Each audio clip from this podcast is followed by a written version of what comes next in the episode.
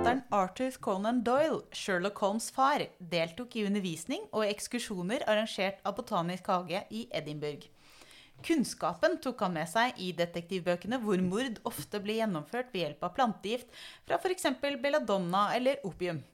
I dagens episode så har vi med oss planteekspert fra vår egen botaniske hage i Oslo, Charlotte Bjorå. Velkommen. Tusen takk.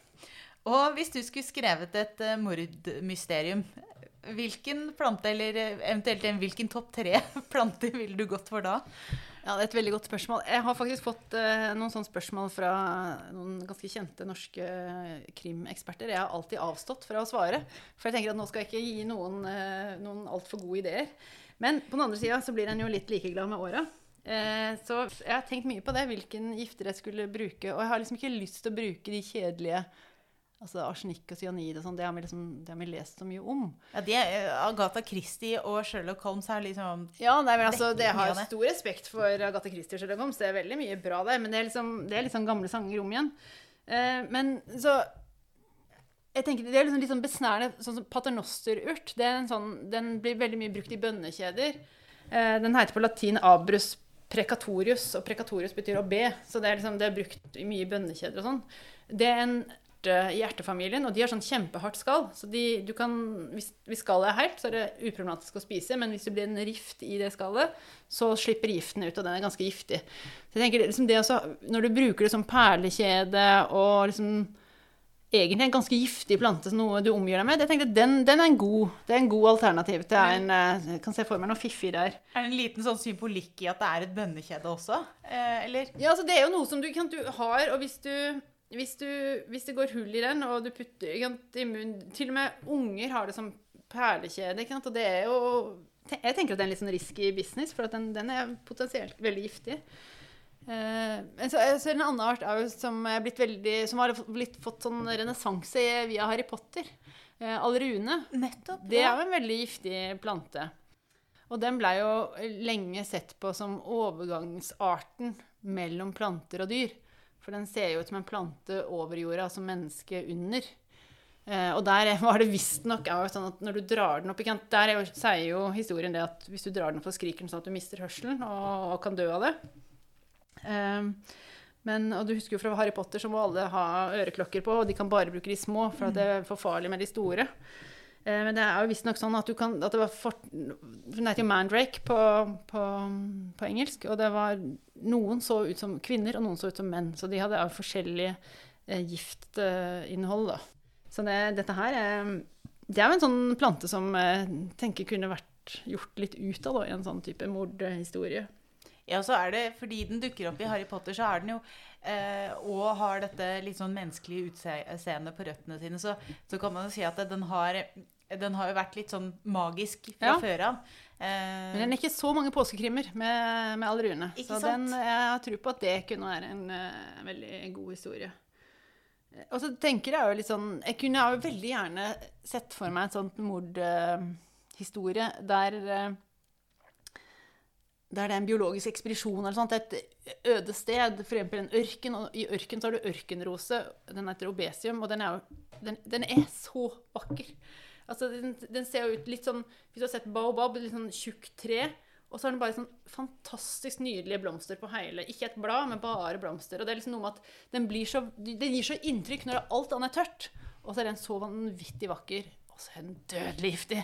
Jeg, der, og der tenker jeg, der vil jeg gjerne bli forgifta sjøl. Eh, at det liksom eh, altså, Sånn som altså jeg vil skrive historien, jeg har ikke tenkt å dø, men jeg, jeg vil skrive historien at de, de dreper eh, ekskursjonslederen eller noe sånt. Og jeg kan liksom se meg sjøl i den rollen. PhD-stipendiatenes hevn, er det det? Ja, nei, ikke vet jeg. tenkte at det kunne være det. Jeg skulle fått masse sympati når jeg var død. Men, men jeg ser liksom for meg at det kunne vært et, uh, en, god, en, god, roman. Eller uh, krim. Ja, ja det... Som blir drept av den vakreste planten. Det er, liksom, det er jo noe litt uh, stas over det. Ja. Ja, det, det, Den tiltrekningskraften kan jeg på en måte virkelig eh, forstå. Men eh, disse giftene, er de sånn eh, umiddelbare, eller er det bare sånn kjipt over lang tid? Eller hva skjer hvis du Ja, Det er selvfølgelig aberet med en del av disse plantegiftene, at det er ikke spesielt en hyggelig død. Eh, så det har jeg ikke satt så veldig hardt innover meg. Men, eh, men eh, sånn sett så, så er det jo litt mer fristende å bruke cyanid og de som, der det går der det er game over ganske kjapt. Eh, for noen av disse her er ikke sånn Du dør, men du bruker litt tid på det, og det er jo sjelden at den, akkurat den tida er så veldig fin. Ja. Fins det noen som på en måte også er giftig, men eh, hvor det er ganske behagelig? Altså eh, At du, som du bare, ja, som morfi, morfinpreparater, sånn, og der sovner du jo inn, nærmest. Ikke sant? At det, Så hvis det, du tar en skikkelig dose, så merker du ikke så veldig mye til det. Ja, for det er opiumsvalmuen, disse Ja. nydelige blomstene. Mm. Som også jo er veldig dødelige, men eh, Ja, ja. Ja, det, det er jo litt sånn fascinerende med en del folk som tenker at naturlige uten bivirkninger når det er naturlige innholdsstoffer. Men det er jo liksom Blåsyre og andre ting er jo helt naturlig. Ja, ja, det, det er jo eh, de verste giftene, tenker jeg. Ja, og så er det jo ikke sant, Det er noe med Sopptoksiner er litt annerledes, men, men du ser, der har jo kunnskapen utvikla seg veldig. Du skal ikke bruke soppbøker fra 60-tallet, for da, de soppene som ble sett på som spiselige da, de er ikke så spiselige da. Nå har vi funnet ut av litt mer. Uh, og det gjelder jo samme en del planting. Bestemor hun hadde en veldig god oppskrift på aprikossyltetøy. Eh, og der, skulle, der står det for at den skal bli perfekt, så skal du alltid knuse en del eh, kjerner eh, og, og hakke med de kjernene på, på, på aprikos. Eh, det, men der er det masse blåsyre i, så det er kanskje god smak, men ikke lurt. Nei. Nei. Men så kan man jo si at eh, vi mer enn eh, villig nok drikker etanol, som, eh, som heller ikke er helt bra for oss, da. Så jeg vet ikke, litt gift kan man kanskje tillate seg hvis det blir sånn ekstremt godt Ja, ja, ikke sant? Ja, ja, det, det er selvfølgelig det. Men jeg tenker nok at det, jeg syns i hvert fall aprikossylte er veldig godt uten de kjernene. av, Så det er liksom ikke, det er ikke en store forskjell for meg. Men du har helt rett, vi gjør mye, mange ting. Verdens mest dødelige plante er jo nikotiana. Altså tobakkplanten. Den dreper jo millioner hvert år. Nettopp. Sakte, veldig sakte og Ja. veldig kjipt, kan man si. Men det er verdens far, farligste plante, sånn sett. Ja, Men kanskje ikke noe å skrive mordmysterium li li Nei, det blir ganske, ganske treigt, altså. Men hvis vi skal gå tilbake til eh, to av de plantene som, som eh, Arthur Conan Doyle eh, skrev om, da. Eh, han hadde jo da vært på ekskursjon i Botanisk hage i Edinburgh og eh, hadde bl.a. lært om belladonna og opiumsvalmue. Eh, hva, hva, hva skjer hvis man får i seg eh, en av disse? Ja, det kan jo gå riktig så dårlig. Eh, jeg har bare lyst til å ta med et sånt sitat om belladonna. For den, den, den, eh, den Altså en forfatter som har skrevet The Devil's Dictionary. Og han skriver da at belladonna in, in Italian a beautiful lady. In English a deadly poison. A striking example of the essential identity of the two tongues. Så det er liksom noe med det at belladonna det, det som fikk, også Grunnen til at den heter belladonna, er jo fordi at en fikk store eh, pupiller. Hvis en, en kunne presse ut saften av bæra, så brukte en en fjær, og så påførte en det rett på øyet. Og da fikk du store eh, pupiller. Og det skal jo være veldig stas. Men jeg har et kjempetips å komme med hvis, hvis du er ute etter den effekten. Da kan du bare ta en romantisk middag med stearinlys, for da må pupillene utvide seg, for da er det lite lys. Så da, og da Det liksom har samme effekten, og jeg tror at det, sideeffekten, altså bivirkningene, er mye mindre med stearinlys enn det er med belladonna. Nettopp. Så, men, eh, men belladonna er veldig sånn sagnomsust, eh, og det heter jo altså På norsk så kaller vi den belladonnaurt, eh, men den blir også kalt galnebær. For det, det er klart at den, den har vært brukt En av de plantene som har vært brukt i, i århundrer. eh, Fordi at uh, den har vært brukt medisinsk. Og det er jo noe med at um, At når du Alt har jo med dose å gjøre, det har vi jo lært. At uh, en liten dose kan være greit, men hvis det blir litt for mye Så det var la som en, en um, ekskursjon som skulle se på, på, på giftplanter. Og da, ekskursjonslederen spiste da et uh, bær av belladonna-urt. Eh, og det gikk helt fint. Fikk ikke noe mm, merk, eller merka ikke noe til det. Så når den personen som hadde gått på kurs, da, kom tilbake til Danmark, så ville han prøve samme, og spiste bær. Og, blei og det gikk jo helt kjempefint. Eh, Men på ettermiddagen så begynte han å bli ganske tørst. Så drakk han litt, blei ble fremdeles ganske tørst, og så eh, så, så begynte han å, å til slutt få litt sånn eh, dårlig syn, eller bli sånn, se litt uklart, og da plutselig så skjønte han at dette her var nok snakk om en, en forgiftning. Så det som har skjedd altså, han fikk jo veldig vondt i magen. Det hører jeg til de klassiske symptomene. Så, så det som har skjedd, var at han som leda eksklusjonen, eh, han hadde bare svelga bæret. Eh, og det er jo kjent at soldatene uh, under krigen spiste litt av dette her. Men de var antagelig så sultne at de bare kasta det i seg og svelga det. Men han, dansken han hadde da tygd bæret ordentlig. Og tygd frøa, og det er da du får frigitt giften. Så han ble ganske sjuk av det. Så det er liksom noe med at uh, dose er én ting, men du må få i deg de delene som faktisk frier giften, da. Ikke sant? Og en litt belladonna i øyet går kanskje bra på en date, mens en Ja, det, altså, når en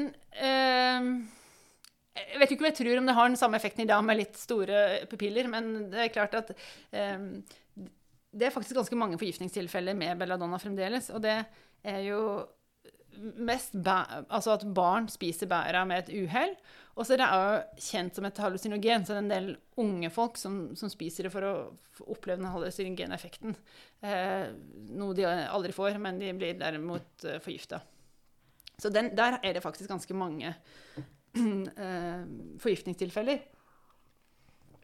I motsetning til opiumvalmuen. Der, den er jo veldig veldig giftig, men det skal mye mer til at du får det i deg ved et uhell. Sjøl om du faktisk kan. Eh, undersøkelser har vist at du kan, du kan eh, spise det til en positiv urinprøve eh, på opium eller morfin eh, med å spise nok eh, T-Brix. For de er jo sånn masse eh, valmuefrø. Så det har visstnok vært brukt en del som unnskyldning, da. At når du har testa positivt på, på morfin, at du har eh, forspist deg på Tebrix. Eh, men det, det de da sier, at det er ganske lett å sjekke, for da kan du bare måle et stoff som heter tebain, for det fins bare i frøet. Så hvis du har både morfin og tebain, det, det kan forklares med at du har spist frø på Tebrix, men, eller andre rundstykker.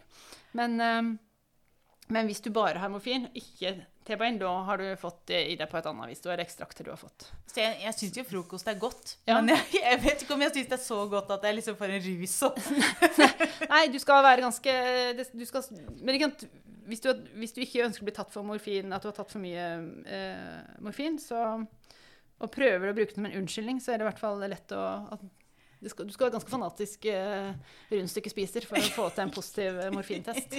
Jeg tenker her at det, eh, vitenskapen seirer jo likevel, da, i og med at det finnes stoffer som bare finnes i disse, disse små frøene som Ja. man har på Tebrix. Ja, ikke sant? Men eh, ja, jeg må si at jeg ble litt overraska når jeg leste det, at du kan spise deg til en positiv uh, eh, urinprøve. Mm. Men, men uh, sånne opiumsvalmuer, eh, vokser det Vokser det vilt i Norge? Nei. Det, nei. I Norge vokser det ikke, men eh, jeg har, jeg har en tante der hun fikk eh, plutselig valmueplanter, eh, altså opiumsvalmueplanter foran huset. Og brukte litt tid på å skjønne åssen de kom dit, men det var rett under der hun malta fugl, fugla. Så hadde kjøpt en fugleblanding som det hadde faktisk litt frø i, som, som da begynte å blomstre året etterpå. Så, så en kan få det i sånne frøblandinger. Men, men eh, det, det vokser eh, Middelhavet og litt lenger sørover, nei, nordover i Europa, men ikke i Norge. Hva med, hva med belladonna? Hvor, hvor eh, finner man den? Den den, den fins jo i Norge, men ikke, ikke Den er Den er vel den, den er jo veldig trua. Det er nesten ingenting av den. Jeg har en sånn vag erindring fra da jeg var liten, at, at vi hadde en plante en gang som hadde noen sånne mørke bær, og så fikk vi veldig streng beskjed om å ikke Ja. spise den. Jeg ser liksom for meg at det Jeg, jeg innbiller meg at det kan ha vært den, da. Men, Ja. eh, for vi har den ikke nå lenger. Men jeg tenker at det er sånn litt sånn typisk at man eh, at man har ganske mye sånn hageplanter som er sånn Man må passe litt på, og så husker man kanskje ikke helt hvorfor eller hva det er lenger. Mm. Men det er sånn eh, Ja. En bestemor som sier at 'nei, ikke spis den, for den er giftig', Ja. men så er det ingen som husker helt hva det er for noe. Nei, Nei det, det, men det kan, den, kan Den er funnet i Oslo. Den, jeg så nå i at den er funnet flere enn i Sarpsborg, og der blir den holden på å bli naturalisert. For er- det er noe med at ting sprer seg lokalt noen steder. Men den er ikke vanlig i Norge i det hele tatt. Um. Ja, For det er litt sånn som du sier, altså barn har jo veldig lett for å liksom bare Å, der var det et bær, og så Mm. putter de det i munnen. Ja. Det er akkurat det som er. Men alt som, eh, alt som ser ut som små tomater, det er ting det burde ligge unna. Det I, i Solanasa, eh, Solanacea, altså søtvierfamilien, det er veldig mange av de som er veldig giftige. Um, og det gjorde jo, altså Når tomaten ble, kom til Europa første gangen, sånn som til Storbritannia, da var det veldig mange som nekta å spise den, for den så jo ut som de giftige altså andre artene da, i samme familien. Så der hadde de sånne offentlige framvisninger av tomatspising for å vise at dette her var helt ufarlig. Eh, Men alt, alt som ser ut som eh, små tomater, det er best å ikke Og blomstene, ikke, ikke spis det. Det kunne jo kanskje vært en mordhistorie, det. Altså den giftige tomaten, eller liksom eh, Ja, ja, tomat er jo for så vidt giftig så lenge den er grønn, men den, du skal ikke spise den før den er blitt Så stekte grønne tomater er ikke noe god idé. Nei, nettopp. For ja, fordi den- det er jo en sånn eh, Det er en film basert på Med den tittelen, da. Ja. Um, hvor- hvor dette her er da en, en rett. Mm. Men det er ikke Plantene lager jo ikke frukt for moro skyld, de lager det for å få spredd frøa sine. Og da er det veldig viktig for planten at de blir spredt når frøa er modne. Derfor er det en del frukt som er giftige, eller som har giftstoffer i seg, fram til modning. Og tomat er en av de. Eh, for det, det er på en måte bortkasta for, for planten å investere så mye energi og lage små babyer hvis de blir spist før de eh, kan vokse. Mens, eh, mens hvis du får spredd de, at noen spiser de når de er modne Ingenting er bedre enn det, for da går de jo rundt og bæsjer bak en busk, og frøa får med seg den deiligste start på livet. Masse næring og kan vokse opp. Det er liksom poenget til planten. Derfor er det sånn at en del av disse plantene eller har frukt som er giftige fram til de er modne. Men hva skjer da hvis man får i seg eh, litt eh, grønn Nei, den er ikke veldig giftig, men, men, eh, så det er ikke sånn Det er ikke noe akutt, men det Du det, Alt igjen så er det snakk om dose, men jeg tenker at det er ikke om å gjøre å spise mer gift enn nødvendig. Nei, ikke sant. Eh, og så tenker jeg kanskje sånn i moderne tider Jeg har veldig sånn Kanskje litt for stor tillit til eh, de som eh, Matmyndighetene. Eh, jeg tenker jo at eh, alt, som, alt som er i matbutikken, er sunt og, og, og greit. Men jeg tenker at eh, i min barndom jeg har spist min andel av liksom umodne rips og Ja, men det, det, går, det, det går som regel greit. Men du har jo en del ting som på en måte ikke eh, altså, Du kan jo ikke merke noe som er giftig fordi det er giftig fram til det blir modent. Det går ikke. Sånn som poteter, f.eks. Det er jo, er jo helt fint å spise, men du skal ikke spise grønne poteter. Og det hjelper ikke å skrelle vekk det grønne, for giften er over hele poteten.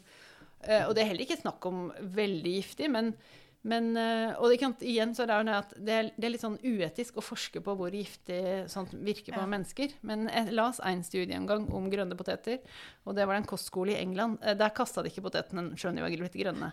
Så der hadde du en litt større N. Så der var det, og, og unge gutter de er ofte sultne, så de hadde spist godt og vel, for det smaker helt greit.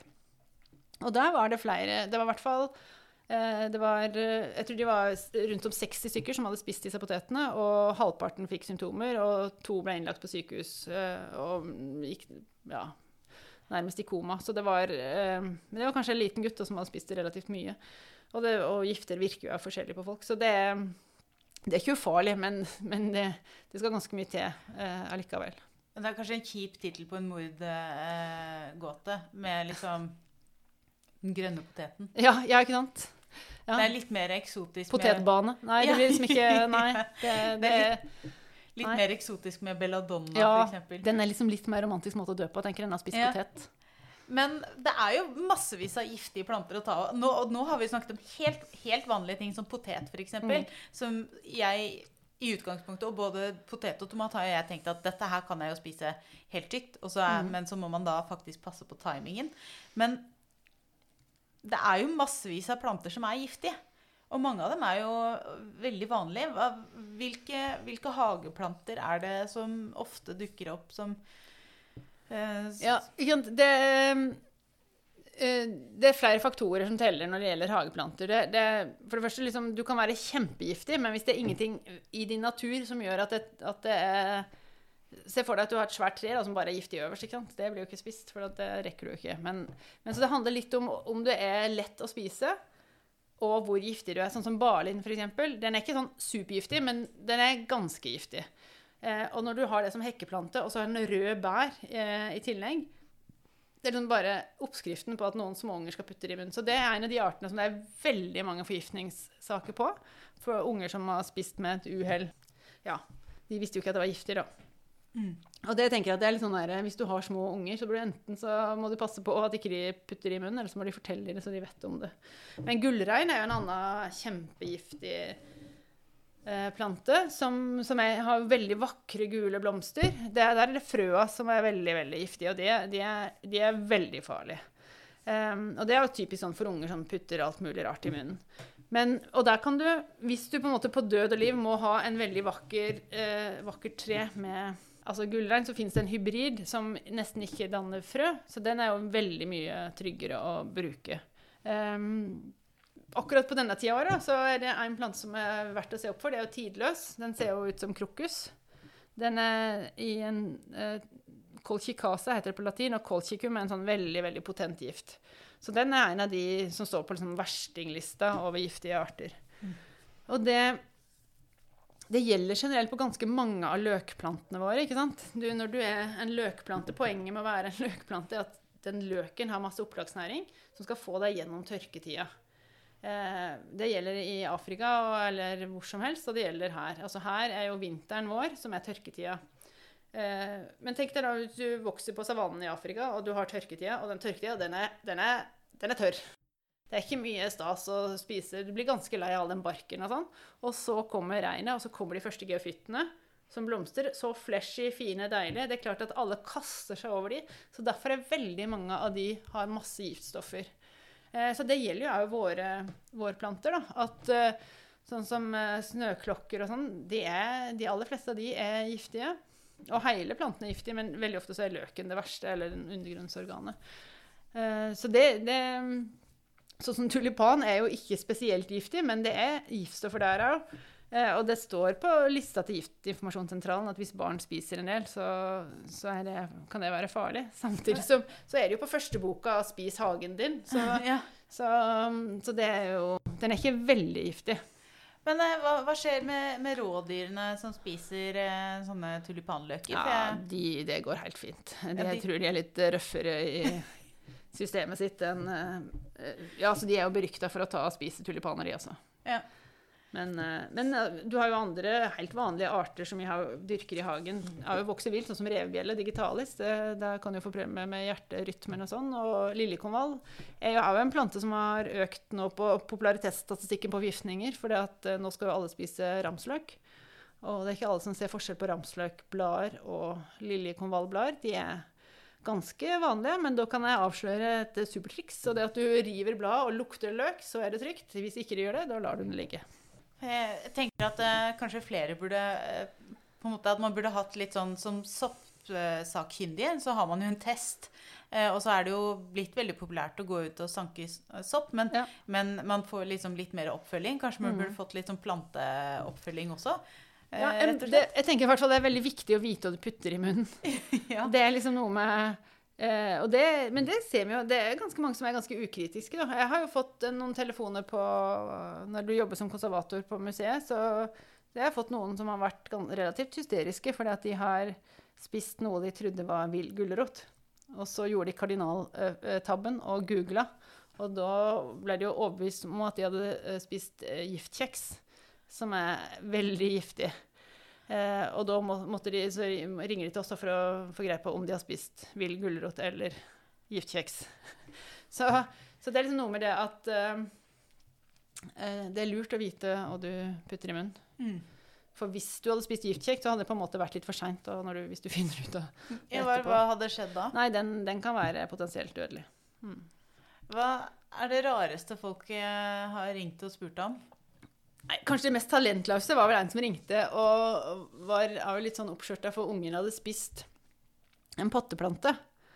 Eh, og da var jeg jo, tenkte jeg ja, åssen så den ut? Hvorpå vedkommende svarer den var grønn. og jeg tenkte ok, ja, men da har vi jo Kan vi sjalte ut noen? Eh, ja, så hadde den blader. ja. så var det Og så stotra de. Og dette her det, det var liksom en veldig Det var en kar som hadde en veldig fin jobb og veldig utdanna og sånt, men han sa bare til slutt eh, bare sånn derre Jeg kjenner jeg mangler et vokabular for dette. Ja. Ikke sant? Så når det, liksom, det, det er liksom så langt du kommer, at den hadde, eh, var grønn og hadde blader, da kan det jo være et par forskjellige alternativer. Så, så det er jo sånn eh, Igjen så handler det jo om kunnskap. ikke sant? Folk i dag kan jo veldig få arter. Hvis du spør unger hvilke navn de kan altså De kan jo ikke gran og furu engang. Det er noen som kan brennesler, da, men eh, hvis de har vært, hatt litt uheldig møte med det. Men det er ganske De kan ganske mange flere Pokémon enn de kan plantearter. Ja, burde, burde man kanskje lage en slags sånn plantepokémon, eh, hvor man kan eh, Ja, jeg har hatt mange tanker om åssen jeg burde eh, Altså, Problemet litt er det med giftplanter, da, at det- er litt farlig å reklamere for mye for det. For det kan jo liksom få folk til å teste litt uh, ting, og det er heller ikke å anbefale. Men um, Nei, det, det er ikke helt lett å vite uh, hvor skal Hvor mye en skal opplyse. Um, men uh, jeg, jeg synes jo En annen ting som er veldig påfallende, det er jo når folk får barn. Eh, for det er jo noen som eh, Sånn som jeg ser det, går fullstendig av skaftet.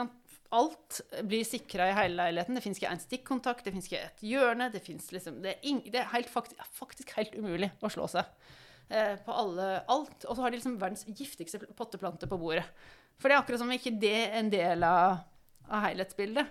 Så, så, så jeg tenker at i hvert fall sånn Barnehager, for eksempel, de burde ha en viss kompetanse på planter. Jeg har sett så mye altså Barnehager med barlindhekk veldig dumt. En del sånne ting eh, eh, med ganske giftige planter. Én ting er gift, men du har jo ganske mange planter som, som det er mye allergener i. At du reagerer hvis du får det på huden og sånn. Um, så det Og det er jo veldig sånn selektivt giftig, fordi eh, de som ikke tåler dem, tåler dem veldig dårlig. Ja. Og så går det helt fint for alle andre.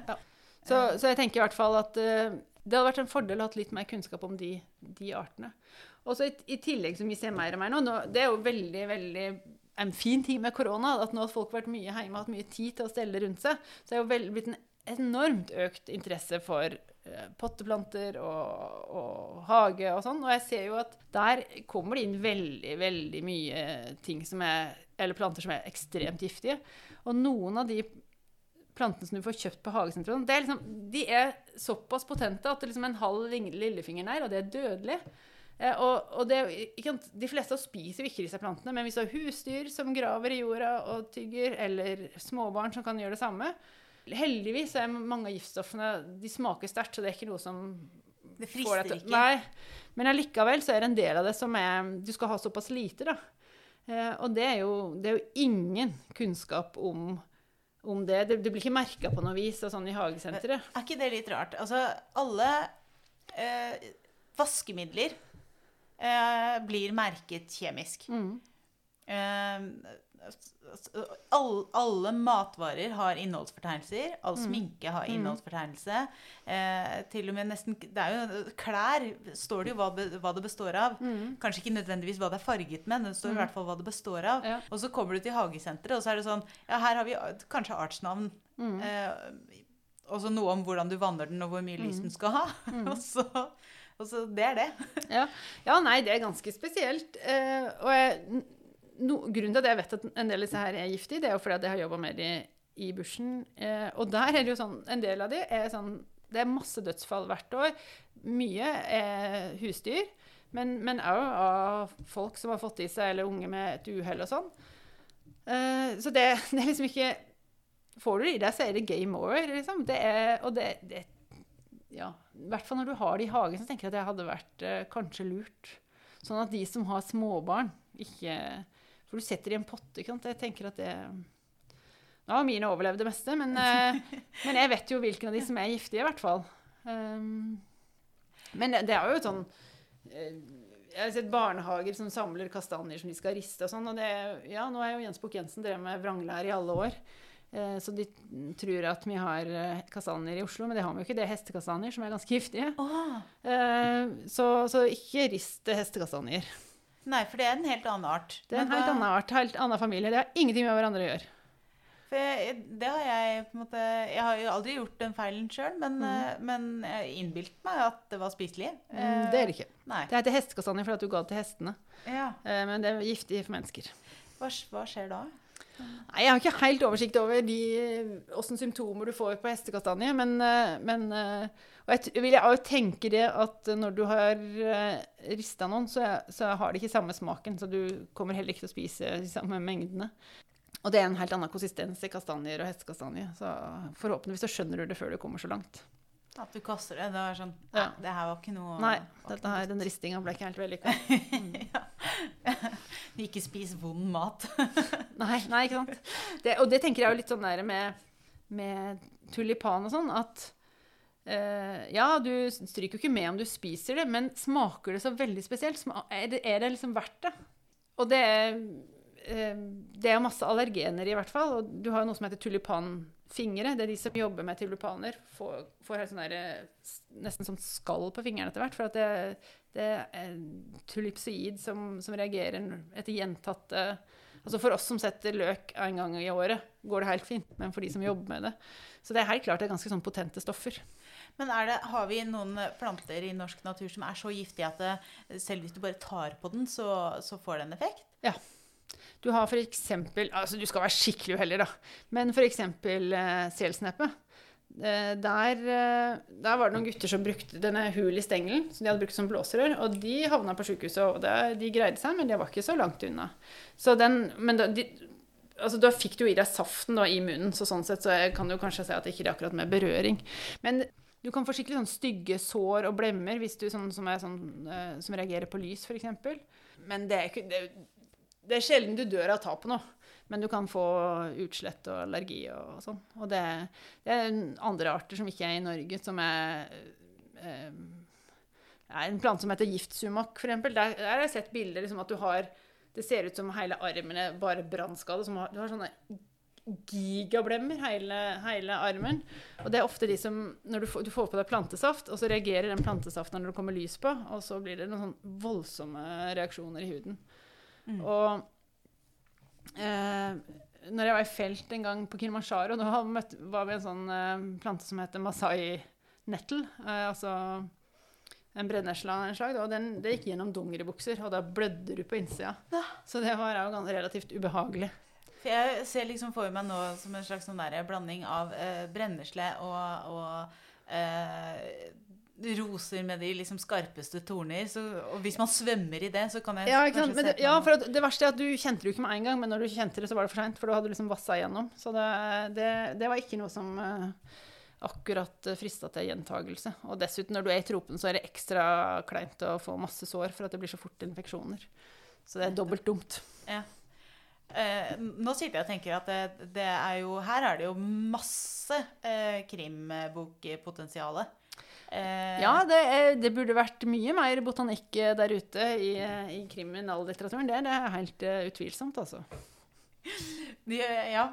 Jeg tenker at nå har de jo kanskje ja, antagelig da spurt deg allerede, men jeg føler at det er litt sånn så eksklusivt at du har lyst til å dele det med oss allikevel. Jeg tenker jo det er i hvert fall, Nå er det jo en stund til påske, så jeg håper jo noen får noen skikkelig gode ideer å spinne videre på, som vi har noe å glede oss til. For altså, det, det er kanskje uh, stygt å si, liksom, men jeg syns jo det er noe veldig sånn lite raffinert over all den skytinga som skjer for tida i Oslo. Altså, Ja. det, er liksom, det hadde vært litt mer finesse å gjort det på en annen måte. Og det, det som, hvis du hadde liksom, eh, gått ut og plukka noen giftige planter, så blir du kanskje inspirert til å la være eh, bruker bruke de istedenfor uh, Så hvem vet. Jeg, jeg tenker at det hadde vært fint om det var flere som brukte mer tid og plukka blomster. Nettopp. ja, den nye, nye store liksom eh, Det blir botanikerne da som havner i fengsel i framtida som Nei, nei, det var stygt sagt. Nei, vi havner nemlig ikke i fengsel, for vi vet hvilke planter vi skal bruke som ikke er så lett å spore. Nettopp. og med det så tror jeg før, før, før vi på en måte virkelig tar livet av oss selv og avslører alle, alle mulige mordmysterier eh, som eh, fremtidens forfattere kan få lov til å boltre seg i, så tror jeg vi avslutter eh, mens leken er god, rett og slett. Tusen takk, Charlotte Bjor- for at du stilte opp i dette intervjuet. Og til deg som lytter, så er det selvfølgelig bare å gi tilbakemeldinger. Eh, send oss gjerne en e-post på biopodden at eh, bio.no. Så høres vi.